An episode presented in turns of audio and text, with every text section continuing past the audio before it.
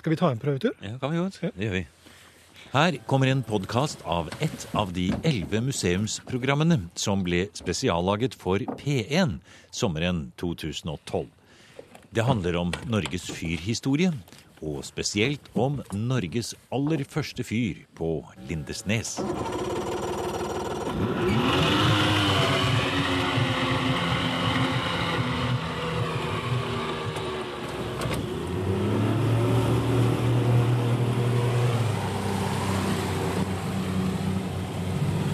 er vi på vei ut gjennom det lille sundet her nede ved Lindesnes her. Det er trangt uh, sund her, men du er lokalkjent, er du? Å ja, vi, dette er ikke trangt.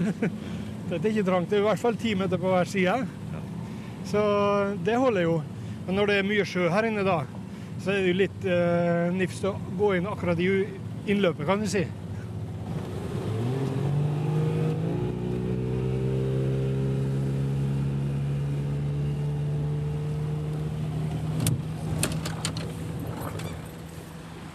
Her ligger vi og andøver forsiktig i bølgeskvulpet over noen brått like under Lindesnes fyr. Opptaket er fra sommeren 2003, da museum var på besøk for å høre om den norske fyrhistorien. Daværende fyrmester Knut Dybvig hadde tatt oss med ut i tilsynsbåten. Vet du om det har vært eh, mye forlis her? Akkurat her vi ligger nå, så ligger det i hvert fall ett vrak. Og det har skjedd veldig dramatisk. Fordi at eh, det ene ankeret som ligger oppe ved fyret nå, som vi har henta opp, det var jo helt. Det andre ankeret er slitt av, så det ligger tydelig merke på at det har fått dreggfeste akkurat her, og så blir knust i fjellet. For det ligger masse vrakdeler Altså, det er et seilskip. Det ligger masse vrakdeler nede på bunnen. Og eh, selvfølgelig i den perioden da man hadde kun lyset og ikke noe stort annet, kanskje et enkelt kompass og sånt, så, så feilberegna man litt, og da gikk det i heia, vet du. Må ikke vi gå i heia? Nei. Jeg tror vi må starte opp så før vi lider samme skjebne.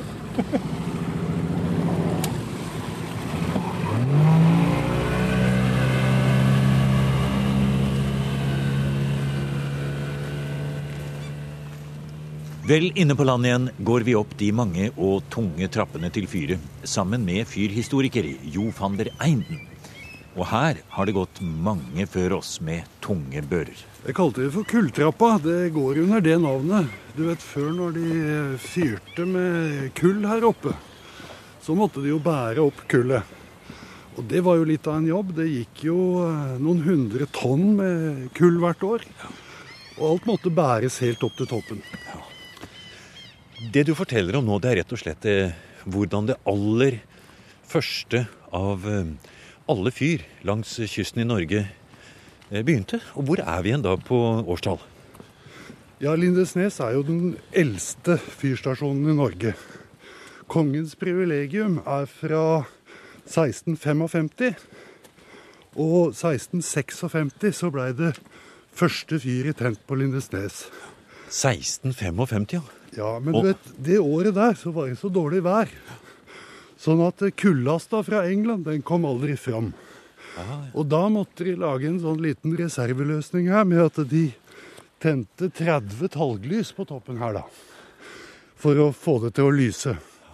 Og, men det lyste jo så dårlig, da, at det var ikke lenge før eh, de sjøfarende begynte å klage. De måtte jo betale fyravgift, ikke sant. Og dette var for dårlig. Så blei jo fyret stengt igjen. Eh, men, men den første fyrteknologien, det var jo at man, man fyrte med åpne kullbluss, rett og slett. altså.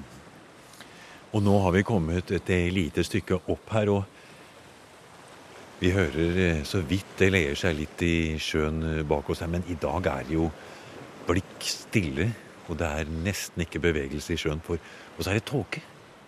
Ja, det ligger ganske tett, det gjør det. Men hadde sola greit å bryte helt igjennom nå, og vi hadde fått et fritt utsyn utover her, så hadde vi jo sett til nær sagt til, til Danmark. Ja, iallfall uh, halvveis, kanskje. Men du vet, Lindesnes, det, det er jo Norges sydspiss. Altså, det betyr jo stedet der landet synker i havet. Og eh, Peder Clausson Friis han skriver jo i sin eh, norgeshistorie fra 1500-tallet at eh, Lindesnes er det punktet som alle sjøfarende folk i Nordsjøen vet om. For fra dette punktet så vet de å sette sin kurs nordetter eller syd etter landet. Og når jeg nevnte det med Danmark, og man kommer inn mot Norge med ja, kanskje helt tilbake i seilskutetiden, så så var det jo sånn at det var jo ikke så mange fyr å speide etter. og man måtte faktisk eh, sette det opp sånn at man måtte greie å skille mellom eh, Skagens Odde og, og fyret rundt her. Ja, altså i 1720, eh, da fyrdrifta på Lindesnes kom i gang igjen, så måtte man ha to bluss. Og det står det at det var for å kunne skille Lindesnes fra fyret på Skagens Odde, som også hadde ett bluss. Du vet, Den gangen så var det jo ikke noe lyskarakter, det var bare et bål. Og eneste muligheten for å, å skille det ene fyret fra det andre, det var hvor mange bål man hadde tent. Og sånn var det jo helt til, eh, til opp, godt opp i 1800-tallet. I en periode på Lista, litt vest for oss her, så var det jo faktisk tre store fyr som lyste. For å kunne gi det sin karakter. Mm. Du kan pelle hvor som helst her, så her, ja. du jo ja, det er sånn eh, Resultatet av kullfyringa. Å, det er det. Jeg trodde det var sånn eh, det er en bergart. Ja, sånn en vulkansk Nei, bergart. Dette er brent kull. Det ligger større utover her, ja. ja, ja. Det er rester fra kullfyring. Lindesnes var det første fyret, men allerede i 1697 kom det mektige Færder fyr ytterst i Oslofjorden. Men så, sier Knut Bård Christoffersen fra Kystverket, gikk det nokså smått utover på 1700-tallet. Rundt 1800 var det bare ti fyr på hele norskekysten. Det er først eh, når vi nærmer oss 1840 at eh, bevisstheten om eh, fyr som navigasjonshjelpemiddel kommer. Fyrdirektoratet ble etablert i 1841, og da starta en massiv utbygging av hele kysten.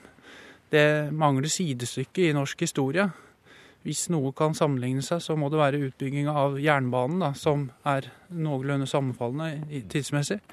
Eh, vi har også eh, et sted i Dalsfjord som eh, like mye er historien om hvordan fyrvesenet ble til. Da fyrvesenet ble etablert i 1841, så var det i stor grad arbeidere fra Dalsfjord som eh, bygde ut fyrstasjoner. Og reiste rundt på kysten og, og satte opp eh, i løpet av en 30-årsperiode eh, godt over 100 fyrstasjoner.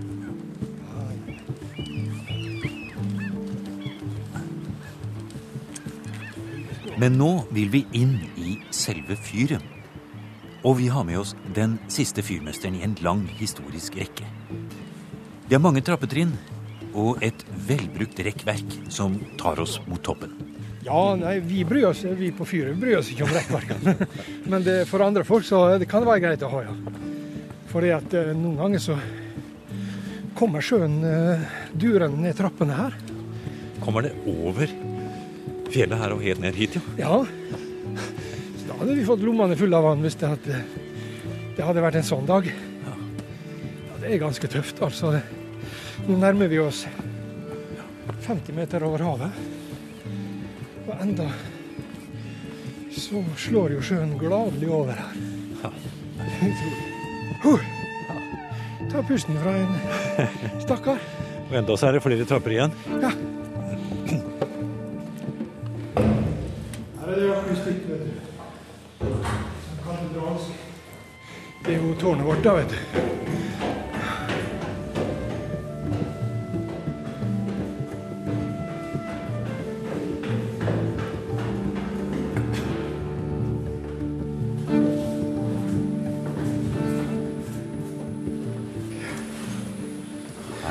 Stig på. Skal vi gå helt opp? Ja, ja. Her kommer vi helt opp. Og vi hører denne svake lyden av prisme som beveger seg her. Ja.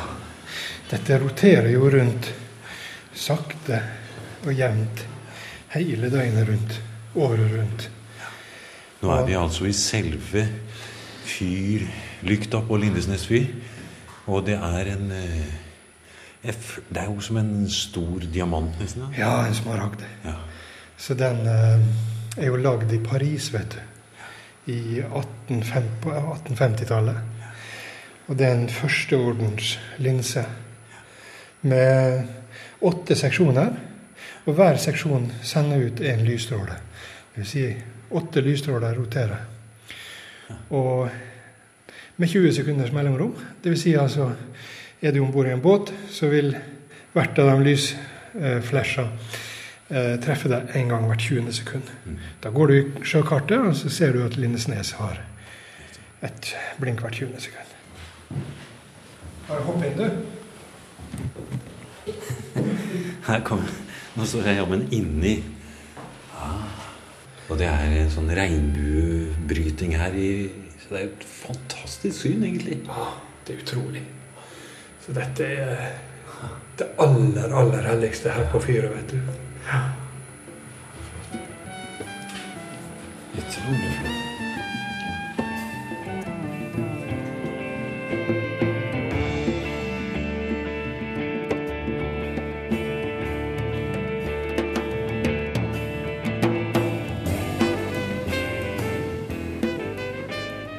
Men det er én ting til som er helt utrolig her på Lindesnes. Det mektige fyret kan ikke bare lyse opp nattehimmelen, men det kan også gi fra seg et urbrøl som kan få hårene til å reise seg på en styrmann ut av kurs. Hvis vi se, setter vi hovedsikringa der på Jeg kan gjerne ha sånn. Og så opp med dekompresjon der.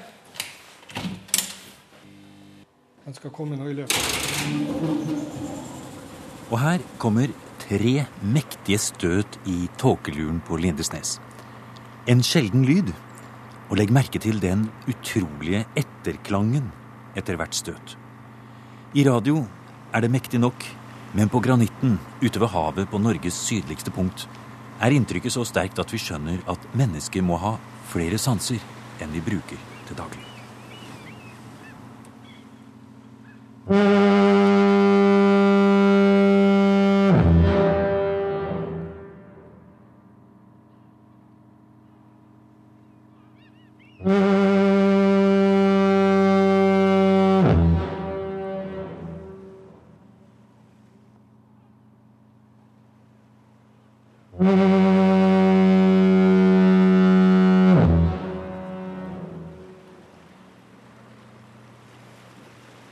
Har hørt en podkast fra NRK P2.